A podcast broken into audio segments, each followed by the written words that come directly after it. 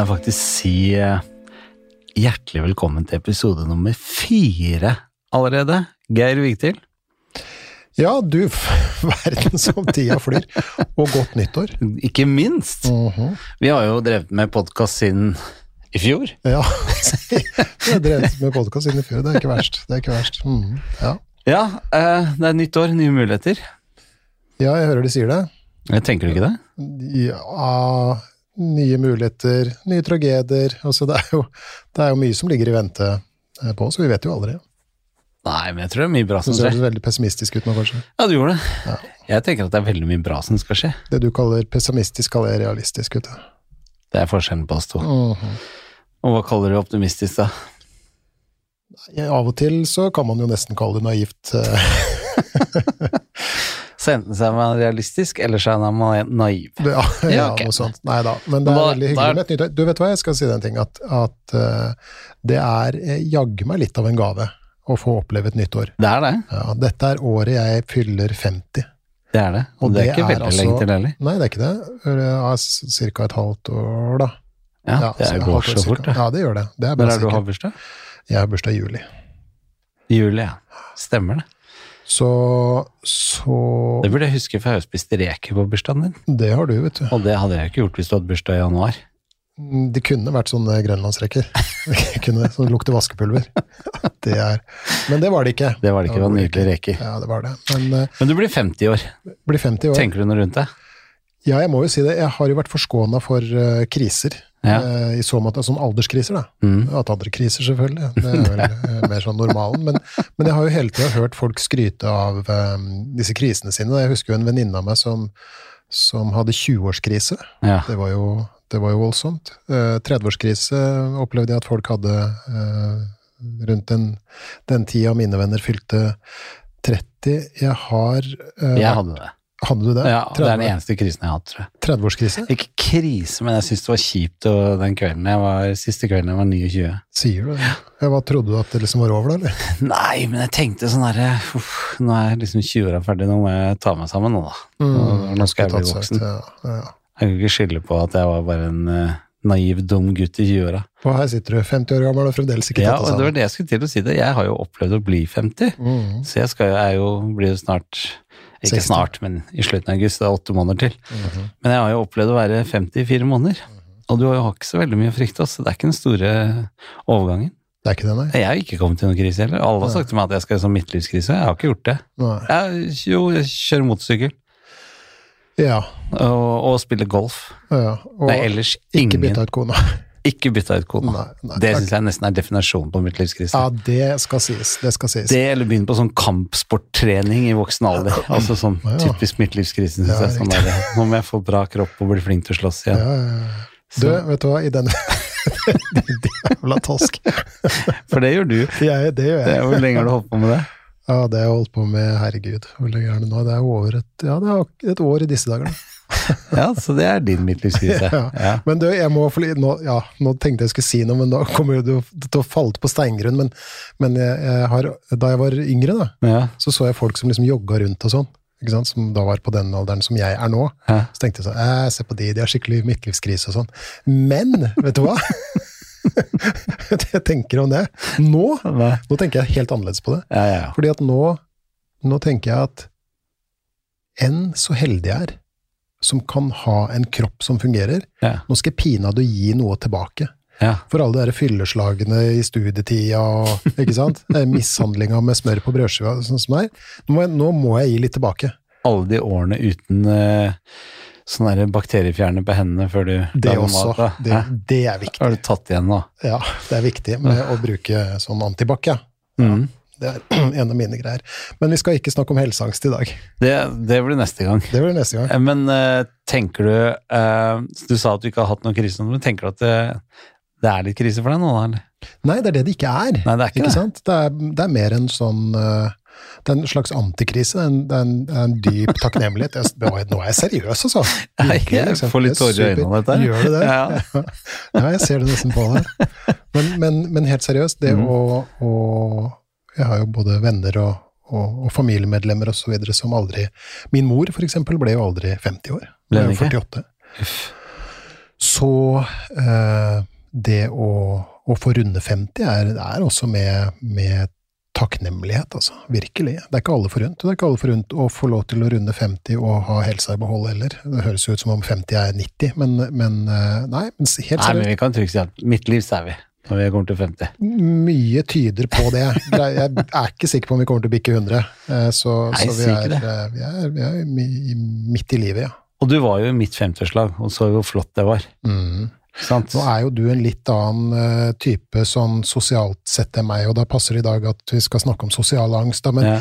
men, du er jo Du fremstår jo som en person som Hva skal jeg si Det er jo ikke uten grunn at du står på scenen. Du liker det jo. Ja.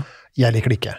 Nei. Jeg syns ikke det er noe moro. Og du Nei. satt jo midt i en gjeng med venner og familie som tåredryppende fortalte deg hvor glad de var i deg, hvilken fantastisk person du var, hvor mye mm. du hadde stilt opp for dem, ikke sant, mm. og, og, hvor mye du betydde for dem, da. Uh, og uh, i det Jeg misforstår meg rett nå, da. Det ble jeg brydd av å høre på.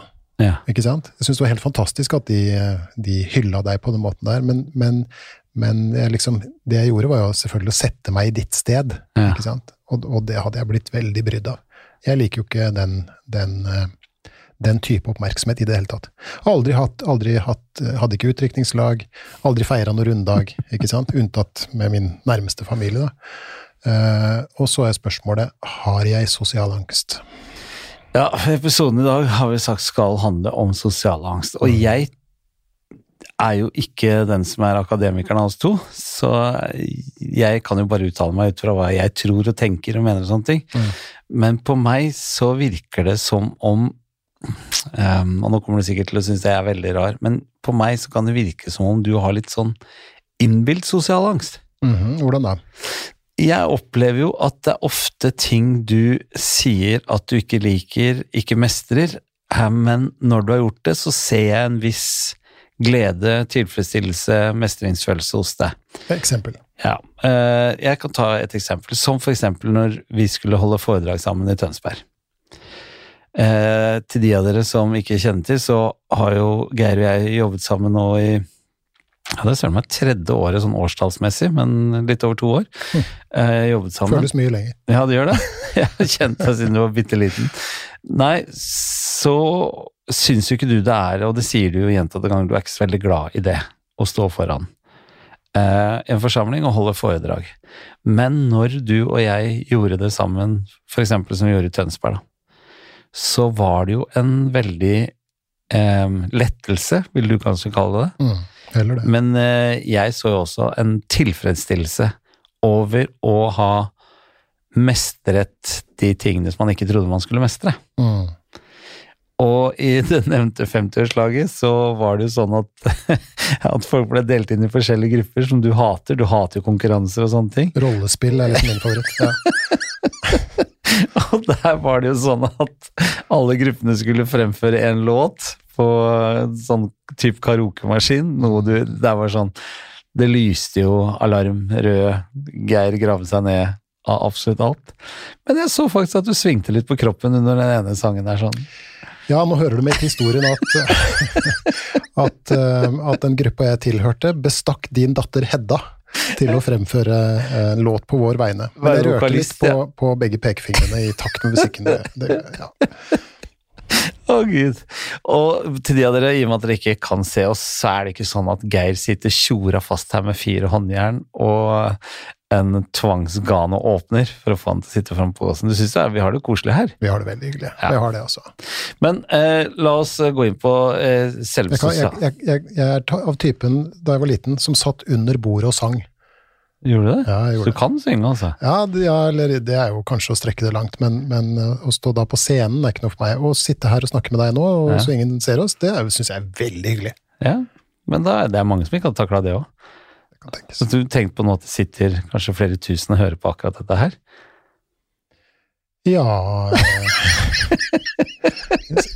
Kan du ikke gi meg illusjonen om at det bare er oss to?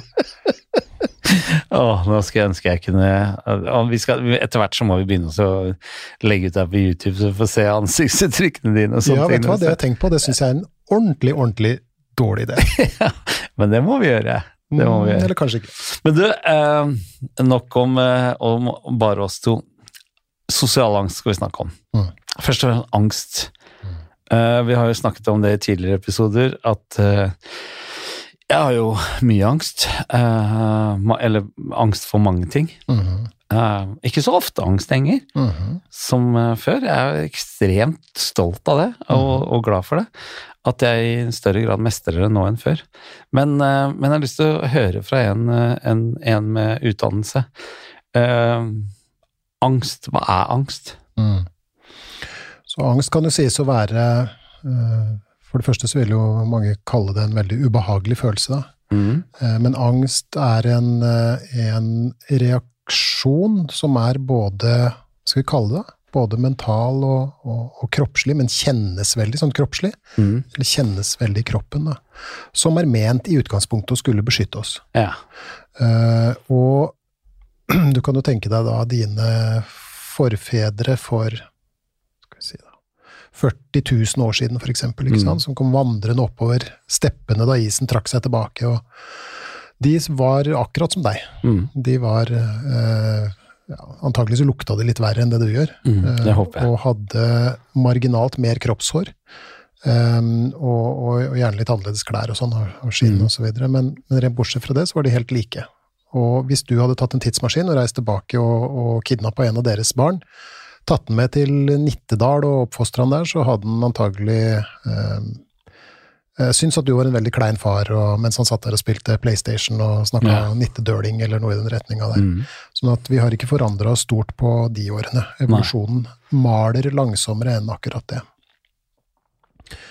Um, dine forfedre, eller våre forfedre, det er ganske rart å tenke på, egentlig. Vi sitter her og er liksom kronen på verket på en ubrutt rekke av overlevere. Mm. Og, og alle overlevde på, fordi at de har det alarmsystemet som, som vi også har i kroppen vår, ikke sant?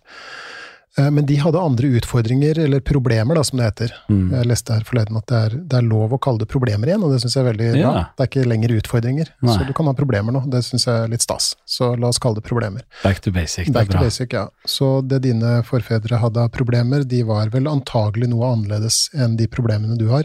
Blant annet så hadde de jo eh, rovdyr, for eksempel, og, og krigerske stammer. og Nå kjenner jo ikke jeg Nittedal så, så godt, men, men, eh, men eh, det er lov å håpe i hvert fall at det ikke er en del av hverdagen din, da. Eh, Men da din forfar forfar for eksempel da sto ansikt til ansikt med en hulebjørn, eh, så skjedde det noe i både hjernen og i kroppen hans. Eh, Blant annet så, så var det da et alarmsystem oppi hodet hans eh, som, som fyra av gårde. Vi trenger ikke å gå i detaljer på det, men, men, men det er et um, Kroppen blir satt til beredskap. Kroppen blir satt i beredskap, og det blir skilt ut stresshormoner. Mm. Og da får man de, disse symptomene som du får hvis du i våre dager eksempel går i egne tanker, og så går du ut i gata, og så er det en bil som tuter på deg, så skvetter du opp på fortauet igjen, ikke sant? Mm. og så får du da hjertebank, og blir tørr i munnen, og mo i knærne, og, og alt mulig, ikke sant? Og, og, og det trengte jo din forfar, Mm. fordi at han hadde stort sett to valg, han. Og det var enten å kjempe eller flykte. Det er Mm. det som på nynorsk kalles fight or flight. Mm. Så han kunne enten ta beina på nakken og dure opp i nærmeste grantre og håpe at den bjørnen var veldig dårlig til å klatre, eller så kunne han uh, ta litt sånn øyemål av den der bjørnen og finne ut at uh, hm, kanskje kan jeg ta han. Mm. Så da gikk han i, i kamp, ikke sant, tok fram flintkniven og satte i gang. I våre dager så er det lite av det. Eh, lite av hulebjørner og, og, og fiendtlige stammer. Men vi har akkurat det samme, eh, skal vi kalle det, alarmsystemet i kroppen. Vi blir satt i akkurat den samme alarmberedskapen, Mm. men av andre ting. Så vi snakka jo første episode, tror jeg, så, så var vi så vidt innom dette med at mennesket er den eneste arten, i hvert fall så langt vi vet, som kan tenke, Tenke på seg. Mm. Ikke sant? En sånn alarmberedskap, da. Eh, og det er vi ganske flinke til, mange av oss. Eh, og det som eh, folk som plages med sosial angst er opptatt av når det Mm. gjelder trusler, det er jo at de er redde for å dumme seg ut overfor andre mennesker. Ok, så det går an. Og så angsten bare så jeg, Sorry at jeg er litt overgrundig nå, men det er ene og alene egoistiske grunner til det. eh, så angsten kan man dele inn i forskjellige typer angst, etter hva man er redd for. Men er det noen forskjell på, på eh, Skal du hoste nå? Jeg satte Solo Super i vrangstrupen. Beklager. Vi prøver igjen. Jeg kommer ikke til å klippe bort det her, altså. Gjør ikke det? Nei, nei. Vi redigerer ikke. Da fikk jeg sånn Kermit-stemme igjen. Ja. Ta deg en sånn lekkerol. Makes people talk. eh, Dagens reklame. ja. Men vi, eh, vi kan dele inn i forskjellige typer angst. Men jeg har lyst til å spørre før du går i gang med sosial angst, som jeg har mange spørsmål om. Eh, hva er forskjellen liksom på For jeg tenker sånn Man kan være redd for noe, Uh, og det er bra. Man skal være redd for å hoppe ned fra Oslo Plaza uten fallskjerm, tenker jeg. Uh, man skal være redd hvis man står midt i veien og en trailer tuter på deg og kommer i 100 km i timen. Så er det jo nyttig å ha den redselen. Men så har du jo, eh, når det er, går over til angst, er, det- er det en sånn rekke? Er det sånn at man blir redd, og hvis man er det for mye, så får man angst, og hvis man har angst for mye, så kan det utvikle en fobi? Er det sånn det fungerer? Nei, altså Hva er liksom forskjellen på redsel, fobi og angst? mm. Altså Definisjonen på fobi er jo en irrasjonell redsel for noe. Mm. Uh, og jeg for eksempel kan glatt innrømme at jeg har um, Jo, jeg har nok edderkoppfobi. Eh, jeg er ikke så fobisk at jeg ikke går ut i garasjen min og henter ved, for eksempel. Der bor det noen ordentlig sånne stygge, hårete monster, Mm. som selvfølgelig ene og alene venter på å, å hive seg over meg. Ja, ja. Det er det som er med edderkopper, at de, de, de Peker seg ut offeret. det gjør de, og så ser de så forbanna lumske ut. Det ser ut som de alltid er klare til å liksom sprette Jeg har aldri sett en edderkopp sprette, altså. Men, men eh, Også så mange farlige der i Norge. Jo, det er jo der det liksom kommer inn. Det? Dette med irrasjonell, ikke sant. Fordi at det er veldig få som dør av edderkoppbitt i Norge i løpet av et år. Ja. Um, veldig få. ja. Nesten ingen, føler jeg. Nesten ingen. Og så går det jo også mange av oss rundt med slangefobi. Mm. Også det er det jo veldig lite av uh, i Norge, i hvert fall. av Og haiskrekk. Mange nordmenn har også haiskrekk, ja. Det, det har de. Og når det gjelder fobier, så, så Ja, det er mange varianter der ute. Du, du sa jo at du hadde sett en liste her forleden over Mm. alle fobier. Mm, Jeg hva- tror det er noe sånt som over 300 registrerte fobier. ja. og, du, og da nevnte du en som var litt spesiell, Ja. som du har øvd mye på, tror jeg. Pop monstro sesquipedaliofobi. Si det en gang til. Pop monstro sesquipedaliofobi. Hvor lenge øvde du på det? Par uker. Okay. ok, Så hva betyr det for noe? Retts, eller angst for lange ord. 29 bokstaver. Ja, ikke sant. Og, og, og, og også i det norske språk har vi heldigvis ikke så fryktelig mange eh, lange ord, da. Nei. Jeg, jeg kan ett, vil du høre det? Ja. Nikotinamid adenindinukleotid. Wow. Mhm. Hvor lenge øvde du på det? Det var et par uker, det også. Hva betyr det? Det er et, eh, det er et eh, stoff som inngår i noe som heter sitronsyresyklus, som er en del, eller del av en prosess som foregår inni mitokondrien i cellene våre. Altså, ikke spør. Det er, det er så kørka at jeg Du er klar over at du like gjerne for meg nå kunne sitte og snakka sånn «Drunjolsobol, drunjolsoli, drunjolsdive». Ok, så greit nok. Nei, men så det, er ikke, for, så det er fobier. Mm. Men hva er forskjellen på en fobi og en angst? En angst, jeg hørte at det høres så rart ut. ja. ja. Men hva er forskjellen på det å ha fobi og det å ha angst? Ja, så Er det noen forskjell? Fobi er jo spesifikk, tenker jeg. Ikke sant? Og, og det kan for så vidt også angsten uh, være, for f.eks. sosial angst er jo en, en, en angst for noe spesifikt, da. Mm.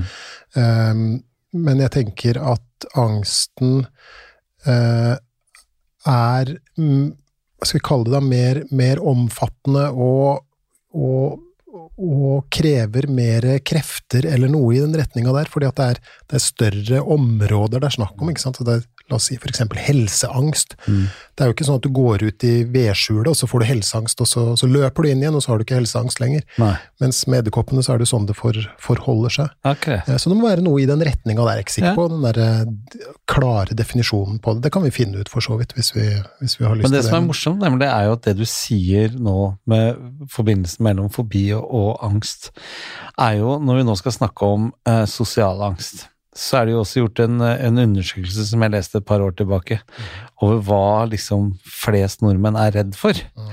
Eller hva, hva slags fobier er mest utbredt, da. Mm. Og, og Hva det vi, er klart at frykter, hva vi frykter mest. Ja, hva vi frykter mest.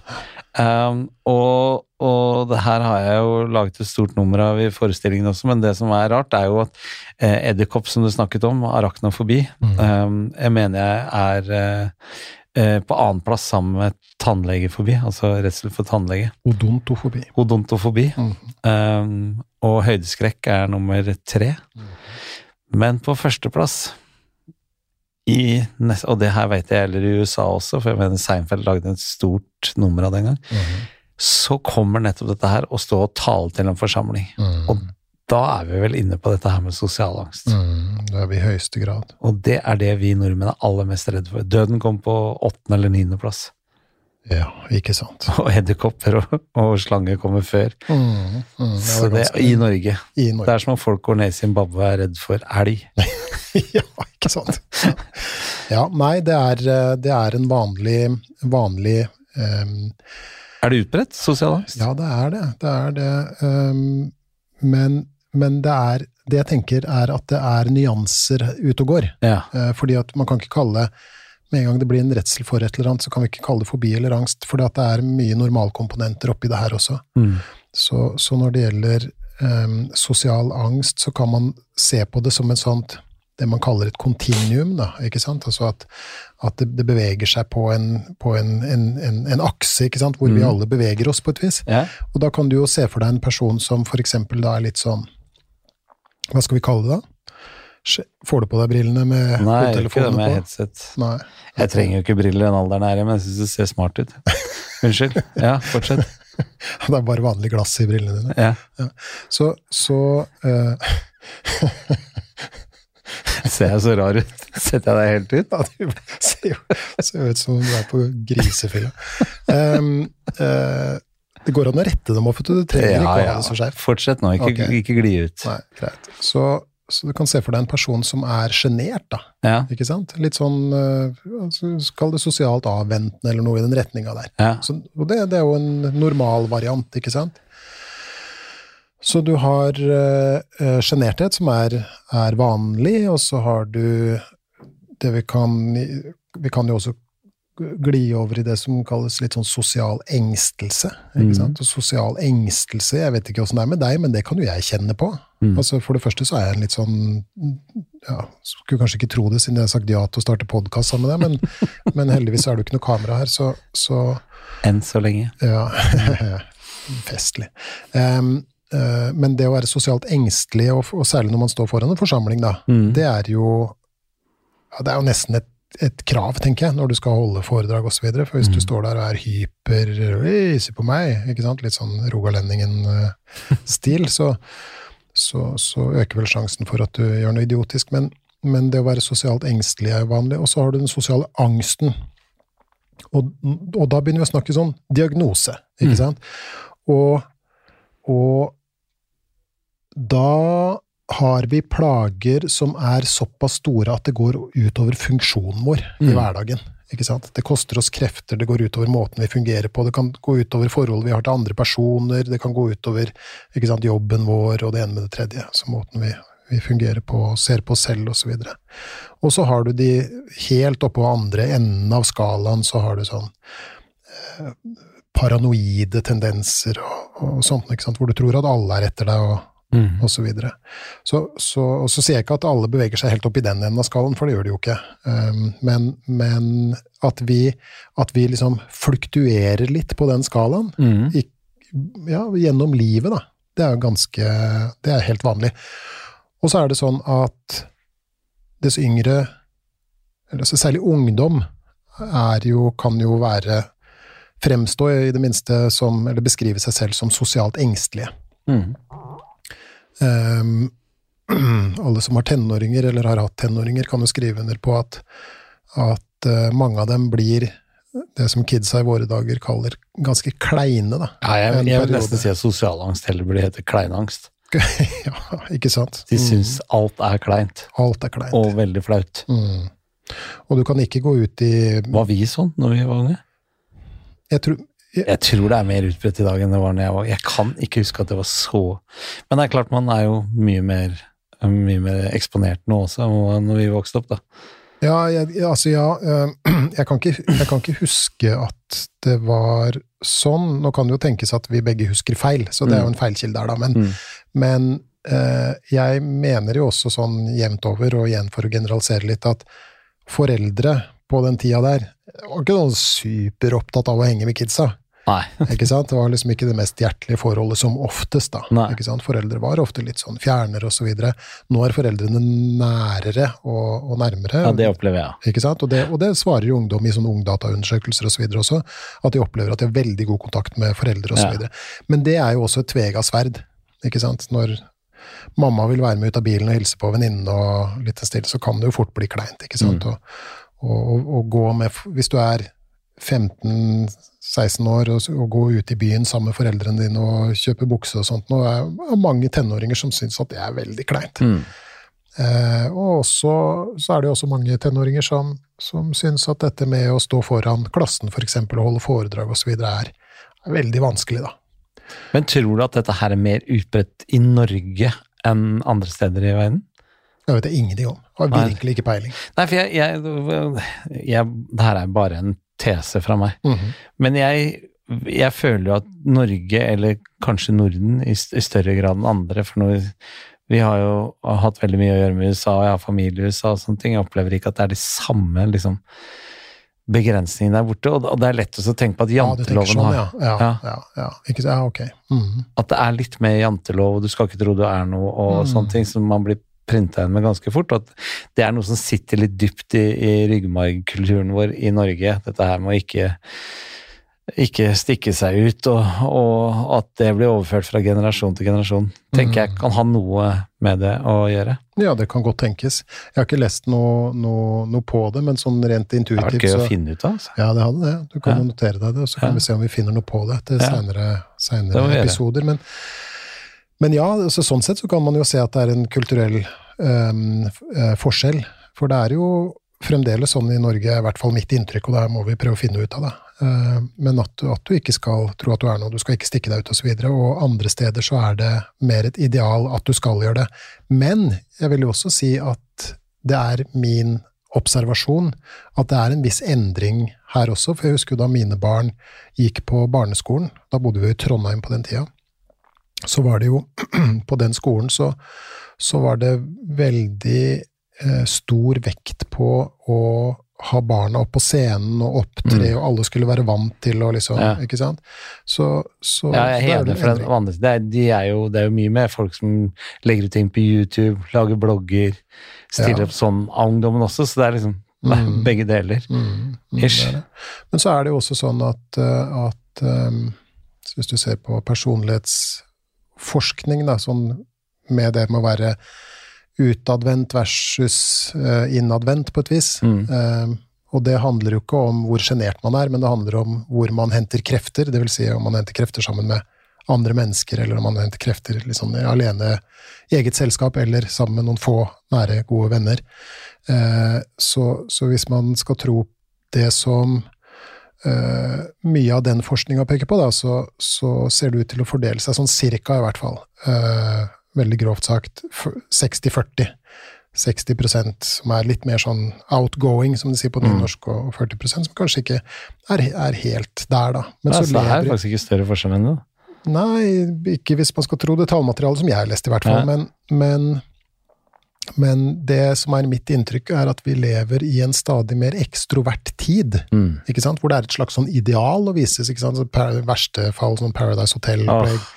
Ja, vi skal ikke gå ned den veien, kanskje. vi skal ikke det. Ex on the beach Ja, Ja, ikke sant. Sånne ting. Og, og til, som du sier, eh, eh, YouTube-kanaler og, og skoleforestillinger, ja, podkast.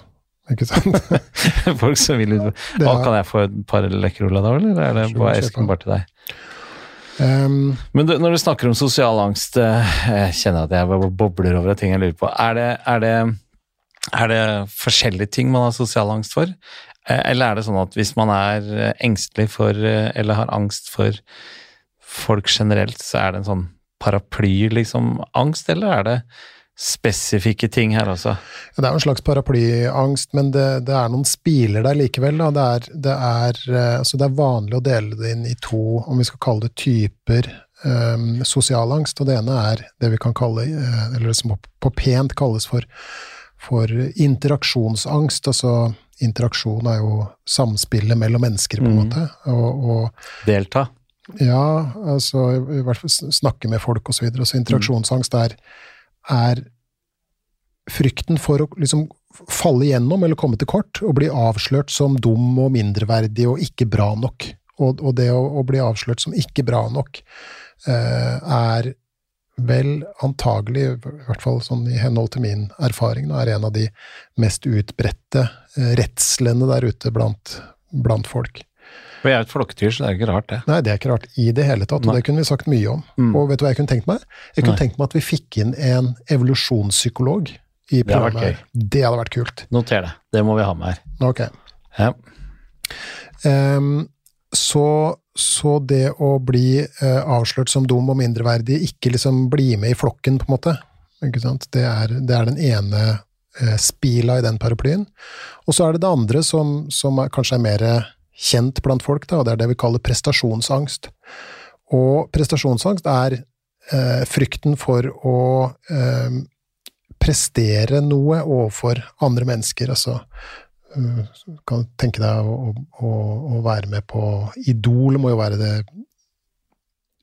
ultimate mareritt for en person med, med prestasjonsangst. Så prestasjonsangst er også en del av sosial angst? Da Mm, er fader, da har jeg det allikevel, da. Du Ja. Òg, Og 99% av de mine kollegaer. sier du det? Ja. Det tør jeg fortell, påstå. fortell litt om det. Nei, altså, du snakker om det, det, altså, det er jo det som også er litt sånn irriterende med, angst. Ja. eh, Vet du, det er jo det at, at eh, man merker det så innmari godt sjøl, Mm. og som oftest så er det ikke så mye å se på utsida. Men det skal jeg snakke mer om etterpå, da. Men, men, men fortell Men det litt mer. opplever jeg med flere ting. Det hadde jeg lyst til å si i forrige episode også. Snakka Mm. om depresjon også. Det er jo folk som går rundt der og, og virkelig lider, og du har ikke sjanse til å se det på det. Ja, ja. Men, men tilbake til det, så er det jo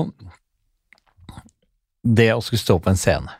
Det å stå alene med en mikrofon, som vi standup-komikere gjør, er jo liksom den ultimate nakenheten eh, når det gjelder å prestere. Du har bare deg selv der og da. Og hvis ikke jeg hadde kjent på den Jeg vil ikke si angsten, eh, prestasjonsangst har jeg ikke, for jeg føler at angst er lammende og, og kommer i veien for meg. Mm. Men prestasjonsengstelse, det føler jeg at jeg har. Mm, mm.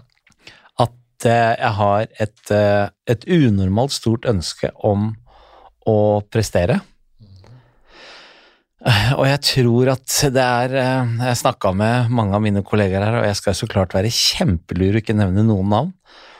Men det er mange av mine kolleger har snakka om det må være en eller annen ting som mange av oss mangler eller ikke har fått nok av fra før av, som er villig til at vår hverdag består i å gjøre det de fleste helst vil slippe. Ja, det virker Sett utenfra så, så kan jeg ikke forstå at noen vil seg sånt. Altså. Nei, men for oss er det nok Eller jeg kan bare snakke for meg selv. For meg så er det jo Jeg føler at jeg har verdens verste jobb de fem siste minuttene før jeg går på scenen. Og så føler jeg at jeg har verdens beste jobb mens jeg står på scenen og tiden etterpå. Der er jo litt forskjellen på oss, som vi har snakka om tidligere også, fordi at du kan oppleve å bli litt sånn um, oppkvikka, ikke sant, både under og etter. Mm. Mens jeg har det pyton før, pyton under, og er utlada etterpå. ikke sant? Så det er jo um, og, og, og, det også da, Jeg sånn- sliter med å tro det, altså. Nei, men det, det, er, for- det er fakta, det. Jeg Ja, prøver jeg ikke å gjøre meg tro deg Absolutt ikke. Ja, nei, men, men sånn er det, og, det For det første så er du dritflink i det du gjør, og for det andre så syns jeg i hvert fall at eh, en del av fargene i trynet kommer tilbake etterpå. Ja, det kan jo, det kan jo tenkes for så vidt, men det er, det er ikke av, eh, av eh, Hva skal vi si? Av, av, det må være i, i form av lettelse eller noe sånt. Ja. Men, men det er litt kult Men jeg tror også at jeg vil ha det, jeg, og som vi har snakka om jeg tror jeg vil ha det òg. Ja. Jeg tror at den dagen jeg ikke har det, Mm. så føler jeg at det er litt uh, nummen og likegyldig, Mm. og da må jeg slutte. Det viser seg jo nemlig, altså fordi at her må vi sette et skille mellom angst og det Mm. å være litt sånn engstelig, eller vi kan oversette det til å være skjerpa. Ja, Fordi at det å være Det var derfor jeg sa det. At jeg Ja, ville ok. Ja. ja, si engstelse istedenfor Ja, angst. riktig. riktig. Fordi at, fordi at um, hvis, hvis ikke du er uh, Hva skal vi kalle det Hvis ikke du er, har en viss grad av engstelse, da, Mm. så vil du ikke levere optimalt, kan Nei, du si. det mener jeg også. Fordi at hvis du ser på hvis du ser på en av effektene som eh, hva skal vi kalle det, stressaktivering har på kroppen vår og hjernen vår, eh, og der er det jo veldig mye som foregår, da. Mm. Eh, Og, og det hadde vært kult å gå gjennom i detalj, for det er eh, ytterst fascinerende. Men, men en av de tingene som skjer, er at man ser at altså hvis man har litt sånn lettgradig, så man ikke slår over i panikk, selvfølgelig, Mm. så vil man ved stressaktivering eh, få en, en økt konsentrasjon. Og, og, og av og til nesten litt sånn tunnelsyn også. Og det er jo ganske lurt hvis du tenker litt sånn kamp- eller fluktsammenheng. da. Mm. Hvis du står overfor en bjørn, så er det veldig veldig lurt å være konsentrert om det du driver med. Ja. Så at du ikke plutselig begynner å sjekke meldingene og ikke litt stille, men at du sant, er, er fokusert på, Ja. på det, som er, eh, det som foregår, på en måte. Så, så, og det ser man jo også, det er jo derfor man sier eksempel at ja, men det er lurt at du er litt sånn engstelig og nervøs og sånn på eksamen. Mm. For ikke bare får du økt konsentrasjon, men du får kortvarig økt hukommelse også. Gjør du det? Ja, ja, ja. Der har de jo, har de jo undersøkt. Så det er en god, en god Hva skal vi kalle det?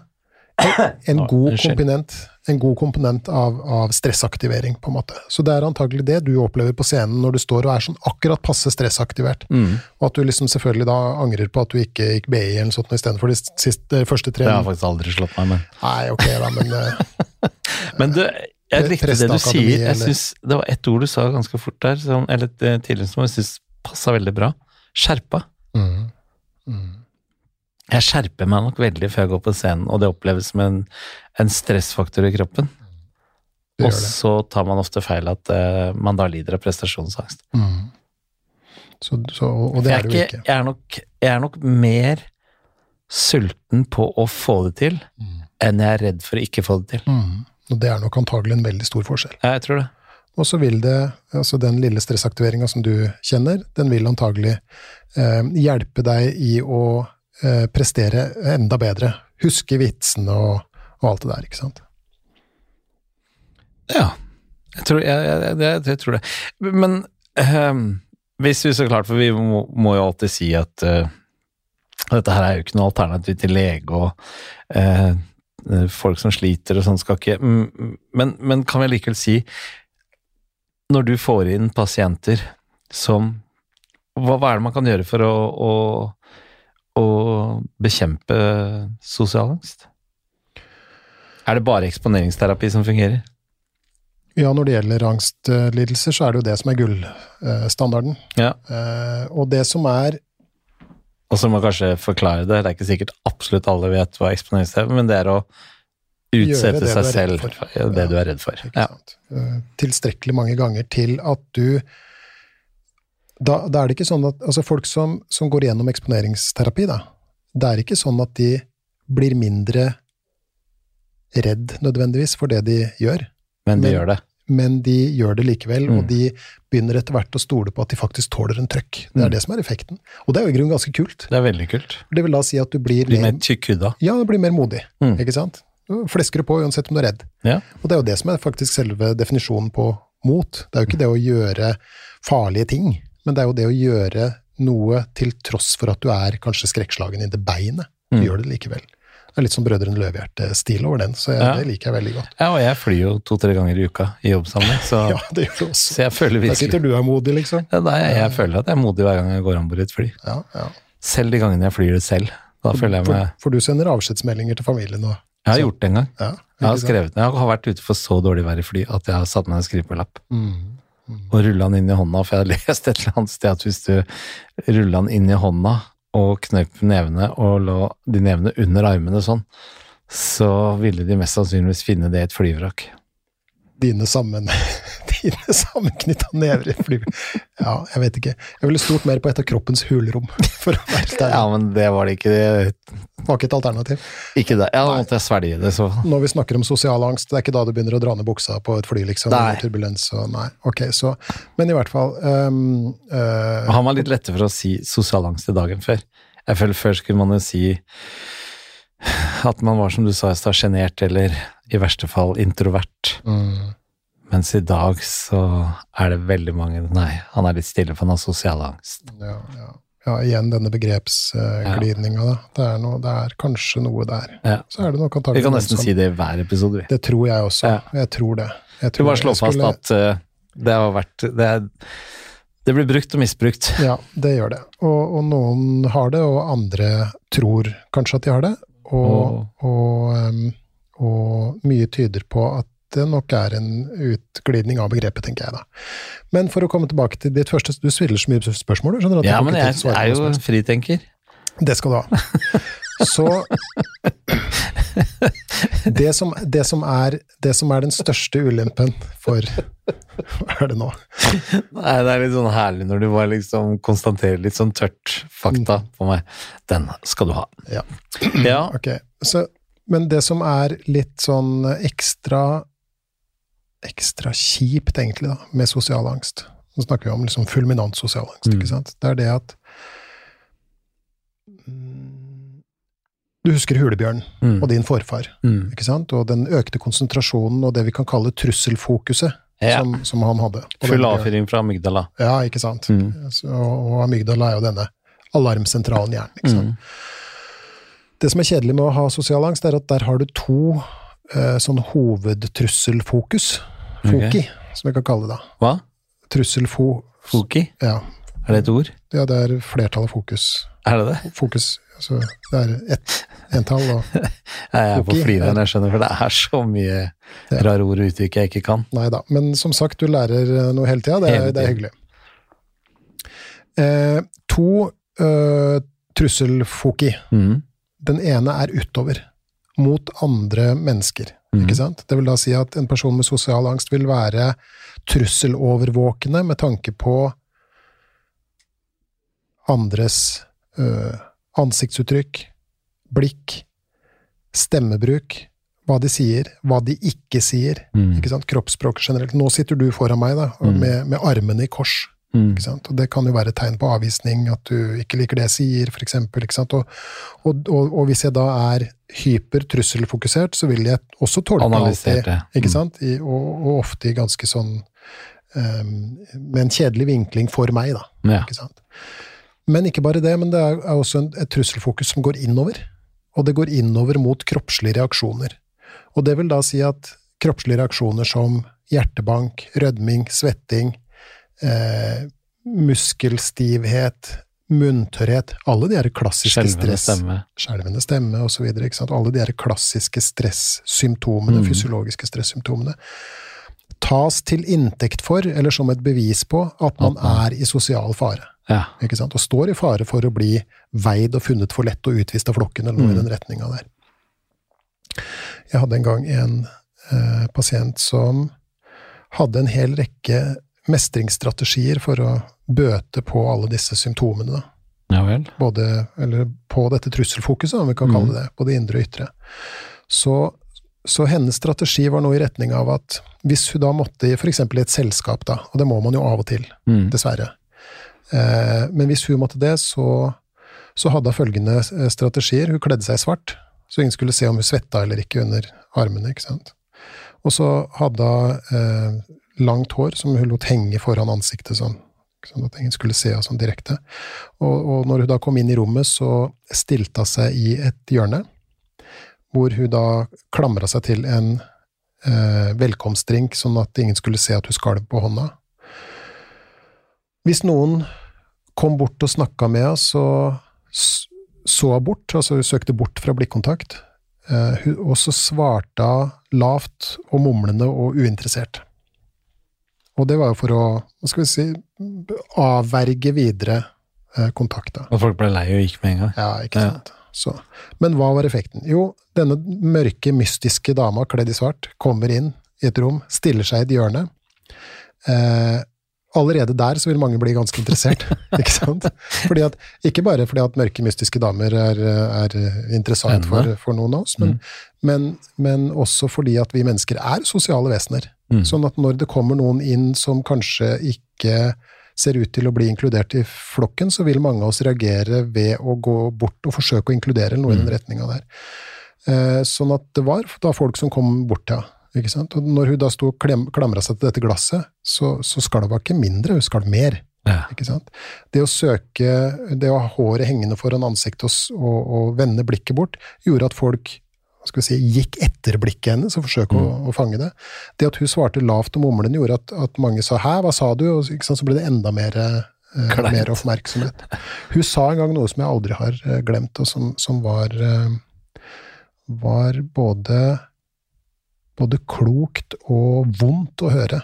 Og det var noe i retning av Hun sa, sa 'jeg vet ikke hva som er verst'. At noen kommer bort til meg, eller at noen ikke gjør det. Au. Så hun var fanga mellom barken og veien. Uansett hva hun gjorde, så, så, så var hun var hun liksom fanga, på en måte. ikke sant? For hvis noen kom bort til henne, så måtte hun jo eh, Eller så sto hun i redsel for å bli oppfatta som uinteressant og, og, avvist, på en måte. Og hvis de ikke kom bort, så var det en dom over henne, det også. Ja, for da fikk hun bekrefta de tingene som hun frykter, da. mm. At hun ikke hørte til flokken. Ikke sant. Så alle disse strategiene som hun hadde lagt seg opp eh, For ikke bare virka de mot Ikke bare virka de mot sin hensikt, ja, men de forsterka det også, Mm. ikke sant? Eh, og, og, og det er jo det som er kanskje det mest ulykksalige med sosial angst, da. Det er jo det at som vi har snakka om tidligere, folk kan jo ikke se på deg hvordan du har det inni deg, med mindre du setter i gang en hel rekke strategier for å skjule hvordan du har inni deg, og da ser de strategiene. Det er det de ser. Og det vil med andre ord at hvis vi skal gjøre et sånt tankeeksperiment, så kan du se for deg en person med sosial angst, for eksempel, som later som om han eller hun ikke har sosial angst. Så vil jo vedkommende bli oppfatta som om vedkommende ikke har Mm. sosial angst. At det ikke er noe påfallende ved vedkommende. ikke sant? Så mange som plages med denne type ting, eh, har en atferd som gjør at de på en måte, altså at det blir helt, veldig tydelig da, at, at eh, det er noe som plager dem. Og det er jo deres svøpe, på et vis. Og de har det jo ikke noe godt. Har det absolutt ikke noe godt. Det er jo ikke noe deilig å ha angst. Nei, Så det er det er, ikke. det er jo ikke noe man kan uh, Det er jo ingen som har sosial angst fordi de syns det er digg å ha det. Nei, absolutt ikke. Uh, men det er jo som du sier, det blir jo en litt sånn en litt sånn ond sirkel. Men et av de spørsmålene jeg stilte, om hva, hva, hva kan man gjøre da? La meg komme tilbake til det. Jeg må bare kommentere noe noterer annet jeg først. det med pennen der, så jeg ikke glemmer det. Ja. Ja. Du snakka om det her med onde sirkler. Det er en annen ond sirkel som også er i sving her. Mhm. Og det er noe som vi kan kalle før, under og etter-tenking, eller noe sånt noe. Før, under, etter? Ja. Ja. Ok, så, så her er, har du en ond sirkel. Og det er noe i retning av at La oss si at du, si at du Tommy Steine, Mm. plages med sosial angst. Og så skal du i en eller annen sammenkomst. Da vil du allerede før du skal i sammenkomsten, begynne å se for deg hva som kan gå galt, Mm. hvem som er der, hvilke beklem, beklemmende og pinlige sosiale situasjoner du kan havne i. Og allerede, det vil da si at allerede før du er inne i situasjonen, så har angstnivået ditt begynt å øke. Ikke sant? Så, så, og det er jo ikke akkurat noe god start, da. En bekymring, altså. Ja, det er bekymring, ikke Mm. sant, som gjør at du får en fysiologisk stressaktivering, og, og der er du i gang. Mm. Sånn. Og så går du i selskapet, og da får du antagelig masse tanker om at uh, de syns ikke jeg er noe interessant, uh, de syns antagelig jeg er teit, jeg ser rar ut, masse varianter der, ikke Mm. sant? Og, og eh, stressymptomene dine liksom vokser til nye høyder, så angstnivået ditt uh, øker. Så her har du noe som er litt sånn ekstra trist, da. Og det er at når du endelig slipper av kroken, på en måte da, du går ut av det selskapet her, kanskje kona di sier at greit, nå har vi vært her lenge nok, så nå, nå går vi og ser antagelig på det at du plages, ikke sant? Mm. Så går du ut av selskapet, og da får du det som inni hodet mitt kalles puh-effekten, ikke sant? Mm. Du kommer ut så bare åh, ikke sant? Og hva skjer med angstnivået da, tror du? Det senker seg. Det senker seg, og det senker seg dramatisk. Og det er en enorm eh, tilfredsstillelse for hjernen din. Det vil da si at angsten får en slags belønning, da. Fordi at den forlater den angstprovoserende situasjonen. Og det er det veldig sterk læring i. Så det hjernen lærer, er at den får det behagelig fordi at den rømte fra situasjonen, på en måte. Ja. Så det er jo det, og, og, og, og hvis dette gjentar seg over litt tid, så vil du begynne å etablere et mønster på å rømme fra kall det angstprovoserende eh, situasjoner, og det er det vi kaller unngåelse. ja. ikke sant? Så da har du etablert et mønster der. Og når du da har den erfaringa med at det var helt pyton å skulle dra i det der selskapet, det var helt pyton å være der, og det var kjempedeilig å komme seg ut, alle disse tre tingene vil, for, vil liksom virke forsterkende på hverandre, noe som betyr at da er det i hvert fall all grunn til å grue seg neste gang. Og enda litt til. Og enda litt til, ikke sant. Så der har vi de onde sirklene i bøtter og spann. Og en annen ting med sosialangst som jeg syns er helt skal, jeg, ja, skal jeg slutte nå? Nei, nei, nei. nei, det, er, det, er, gøy å sitte og høre på deg, for det, det jeg skjønner at dette her er, altså. er, ganske nærme deg. Ja, det er det. det, er det, det dere ser han jo så klart ikke, dere som sitter og hører på, men jeg ser han, og dette her er ikke noe som blir henta ut bare fra en bok. Her er det mye beskrivelse av egne opplevde situasjoner. ok, så hør nå. Hør nå. Uh, uh, uh, jo, en annen ting som er utrolig fascinerende med, med, med det her, da, det er at det ligger en slags sånn ja, Misforstå meg rett nå, altså. Mm. Men det ligger en slags sånn selvopptatthet i Kall det sosial engstelse, da. Ja. Som jeg kan kjenne meg igjen i, for eksempel. Og det er det at at uh, på et eller annet plan så tenker du liksom at alle mennesker syns at du er så interessant. Ja. Ikke sant? At, at, de vil liksom se spesielt på deg og legge spesielt merke til deg og sånn. Mm. Og, på, og, på, psykologisk, og der har de liksom kjørt masse forsøk på det, er noe som heter spotlight-effekten. Okay. Du vet jo hva en spotlight er, ikke sant? Ja, ja. Så, så, så, du går rundt med en sånn spotlight på deg hele tida. Og, og, tenker at alle mennesker ser deg inni mm. den spotlighten. Og så viser det seg jo da at, at, uh, at alle mennesker går rundt i den der spotlighten. Sånn at når du går rundt og, og, og er veldig opptatt av deg sjøl, og tror at alle andre er så opptatt av deg, så er de ikke det. Nei. De er opptatt av noe helt annet. Mm, seg, nemlig seg selv. Seg selv, ikke sant. Så alle mennesker er, er ganske opptatt av seg selv. Da. Så det er én ting, men, men, det her har de jo undersøkt, og blant annet så har de gjort, uh, gjort uh, forsøk hvor de har leid inn en skuespiller, for eksempel, da, til å, la oss si på Gardermoen, mm. som, som, går gjennom avgangshallen med en, la oss si, en kopp kaffe fra et eller annet fancy byrå, ikke sant, eller mm. sånn, og, så, og, en bunke papirer, for eksempel. Og så snubler denne skuespilleren med vilje, og, og kaffe og papirer og sånn rauser utover. Og, og, som sagt, vi er jo sosiale, så det kommer jo mange mennesker ilende til og hjelper til med å rydde opp uh, papirene, og mm. gikk det bra, og slo det deg, og alt mulig sånt som er, og så, og så går skuespilleren videre.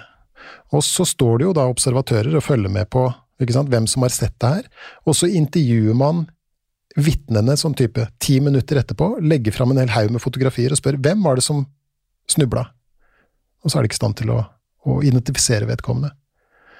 De husker at noen snubla med kaffe og sånn, men de husker ikke hvem. Nei. Og akkurat samme, akkurat samme eh, forsøk har de gjort med å sende Eh, folk inn i sånn studentgrupper, sånn diskusjonsgrupper osv., så hvor de har sendt inn en student med en ekstremt pinlig T-skjorte. Sånn derre hm, og svelg, nå er det helg, ikke sant, litt den mm. stilen der. Og, og, og, der får du akkurat samme resultatet. De husker den pinlige T-skjorta, men de husker ikke vedkommende når de skal plukke den ut uh, seinere. Så, så spotlight-effekten er ganske, ganske påtagelig, og den går vi alle rundt med. Vi er alle opptatt av oss sjøl. Ja. Men det som er det som er eh, problemet for personen med sosial angst, er jo at vedkommende er fullstendig overbevist om at alle alle er veldig opptatt av han eller hun. Mens de aller fleste har mer enn nok med sine egne og ting. Bedre. Og det, og det er jo det som også er litt fint med å bli litt eldre, da. Ja. At det begynner man å skjønne etter hvert. Mm. Ikke sant? Og, og, det er jo veldig mange også som i, i den forbindelse sier at ja, det er litt sånn ekstra deilig å, å, å bikke 40, for eksempel, noe der omkring, fordi at eh, da er jeg ikke fullt så opptatt lenger av hva andre skulle mene, tro, tenke og synes, osv. Nei, det er i hvert fall noe jeg øver meg på hele tiden. Mm. Mm. Og, fordi det er virkelig det er virkelig en litt sånn aha-opplevelse man tror at eh, Og gjerne jeg, da, som i tillegg har, vært litt sånn halvveis offentlig også, mm. Eh, tenker på at men det, vi lærte det også på TV 2 i sin tid som programleder, og at må huske på at sendt er sendt, mm. og det er glemt etter en uke. Mm. Så er det ingen som husker. Og da skal det være veldig spesielt. altså Da skal det være helt ekstraordinært. Mm. Uh, og så, samme er det hvis du ser tilbake på folk som har gjort liksom eh, eh, ting tidligere, så er det svært lite av det som er framme i pannelappen, og det må være noen ting på plass som gjør at det minnes på at ja, stemmer det, han og han gjorde sånn, og hun vant jo der, ja. Mm. Men det er jo, i min bransje så er det jo akkurat det samme som det, det oppleves som utrolig tungt å ikke vinne priser, for eksempel, for ting man har gjort. Men det er jo ingen som husker hvem som vant sist gang. Mm. Mm. Hvis jeg spør deg nå hvem som vant Amanda-prisen for beste mannlige skuespiller i 2019, så er jeg sikker på at ikke du husker det, eller vet det engang. Jeg tror det var Amanda-prisen og lagt ned for lenge siden. Ja, så- ikke sant? Eller Komiprisen, eller sånt. Ja, ja, ja. Men, eh, Gårsdagens aviser brukes til å pakke inn fisk med, var det noen som sa en gang. Ja, det er var godt. veldig, veldig sant, og nå leser vi nesten ikke aviser ellers, så. Mm. og bra er det. Mm. For de kommer ikke med så mye, mye fornuftig. Det er ikke så mye å hente der. Det er ikke det. Men da, etter uh, din eh, selvopplevde uh, utredning om sosial angst, da må du vel også vite hva man kan gjøre for å dempe det, eller, eller mestre det, vil jeg bruke. Mestre det, ja. Det Ble ikke du glad for at jeg sa det? Jo, veldig. Ja. Fordi at hvis man skal ha som ambisjon om å, å, å, å dempe det, så kan man jo fort få et eh, problem Det skal i hvert fall ikke være liksom det, det, det primære målet, tenker jeg da. Nei. Hvordan kan man mestre det å ha sosial angst på en best mulig måte? Fins det noen eh, lure ting man kan gjøre? Ja, også i, i dette tilfellet, eller også når, når det gjelder, um, gjelder um, plager med, med sosial angst eller sosial engstelse, så er det jo uh, uh, også her uh, eksponering som er, Hmm. som er greia. En ting jeg har, Er det det du anbefaler til pasientene dine? ja, det, er, det er måten vi jobber på. Ja. Blant annet, så, så det, dette er jo et, et komplisert felt. Poenget er at det er hjelp å få. ja. ikke sant? Og jeg skulle gjerne fortalt i detalj hvordan det her foregår, for det er, Nei, nei, det er utrolig interessant. Ja, virkelig. Og, og, og en av tingene man gjør, som jeg ikke kan gå i detalj på, men som Mm. jeg gjerne skulle gått i detalj på, er jo at man jobber sammen med pasienten for å, å eh, bannlyse eh, den, altså, den, den pre-, per- og post-prosesseringa, da. Mm. Ikke sant? Den derre før-, under- og ettertenkinga. Mm. Ikke sant? Sånn at du, du, du, du får, sammen med behandleren, så øver du på å ikke gå inn i bekymringsprosessen før du skal noe. Ja. Ikke sant? Og du øver også på, litt sånn som du sa, sendt er sendt, Mm. eller som de sa i Hakkebakkeskogen. Ikke sant? Gjort er gjort, og spist er spist. Når du har vært i en sosial situasjon, ikke gå inn på analyser av det. Det Nei. er som det er. Så får du heller ha litt Får den der Får ikke gjort en dritt med det, så Nei. du får heller ha litt den derre gremme-feelingen, da. Ja. Ja vel, greit. Kjør den, men, men å gå rundt og begynne å analysere, og den tenkte sikkert sånn, og tenk hvis sånn og sånn, ikke sant. Typisk den derre sånn, kall det etterbekymringa, Mm. den øver man også på å bannlyse. Og, og da, når man da kommer dit, og dit kommer man uh, forbløffende fort mange Mm. ganger, at, at, um, at uh, pasienten eller klienten, eller hva man skal kalle personen, da, uh, øver på å Nei, jeg går ikke inn i bekymringer om hva som skal skje før, før jeg skal i dette selskapet, f.eks., eller før jeg skal holde dette foredraget. Det jobber jeg veldig mye med. Øver Mm. veldig mye på det. Så, ikke sant? Så jeg ser for meg Vi var jo i i Kristiansund for eksempel, og holdt foredrag for Rask psykisk helsehjelp der Mm. oppe. Og, og, og der kunne jeg potensielt sett ha brukt mye tid på bekymring. Men jeg tenkte ja, men helt seriøst, liksom. ikke sant? Og for fagfolk, og det er skummelt, vet du. Ja, ja, ikke sant? ja. Uh, uh, men da tenkte jeg vel, det er som det er. Dette skal jeg gjøre, så det er i grunnen ikke noe mer å tenke på. Og etterpå så er det jo også all mulig all mulig anledning til å sette seg ned og gremme seg over både det man sa og det man ikke sa. Og under også så har jeg vært veldig flink til å finne de ansiktene i publikum som ser misfornøyde ut. ja, Ikke sant? det husker jeg.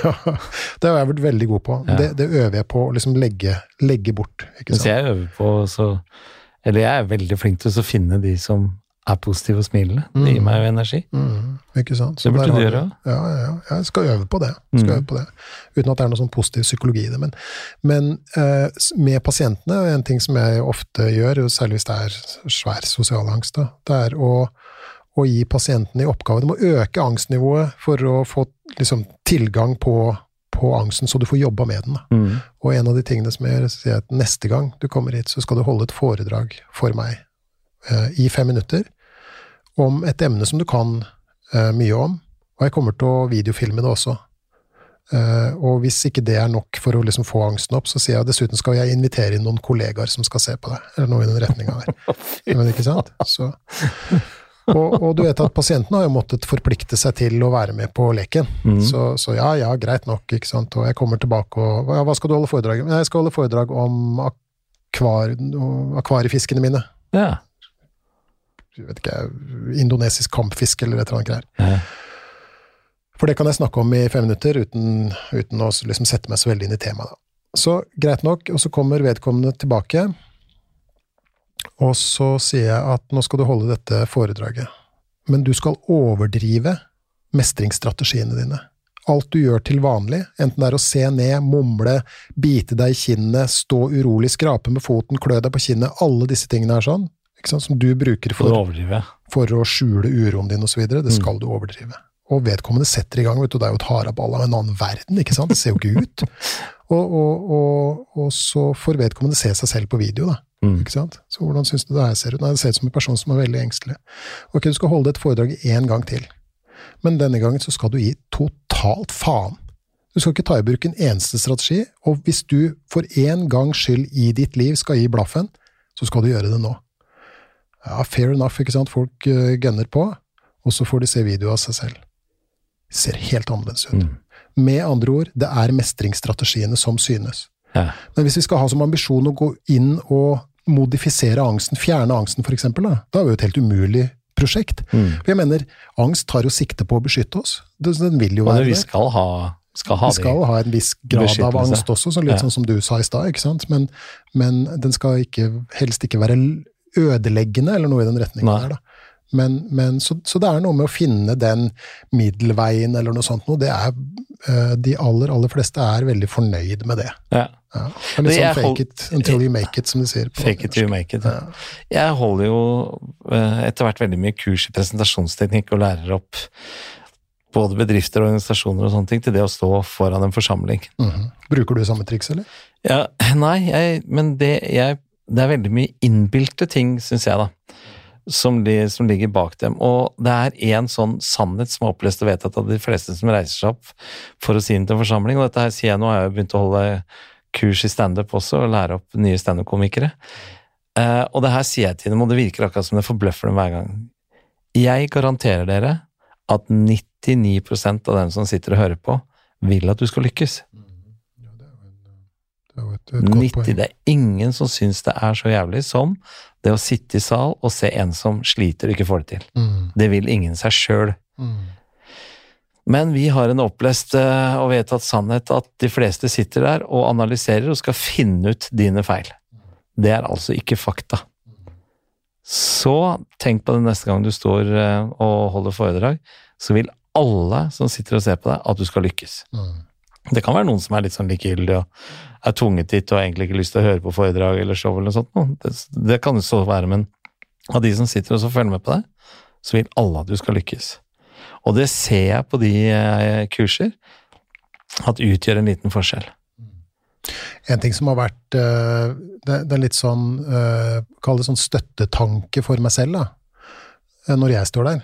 Og det er jo at eh, jeg vet at de som sitter i salen, i det minste er veldig letta over at det ikke er de som står der. Og det, det fungerer egentlig for meg, da.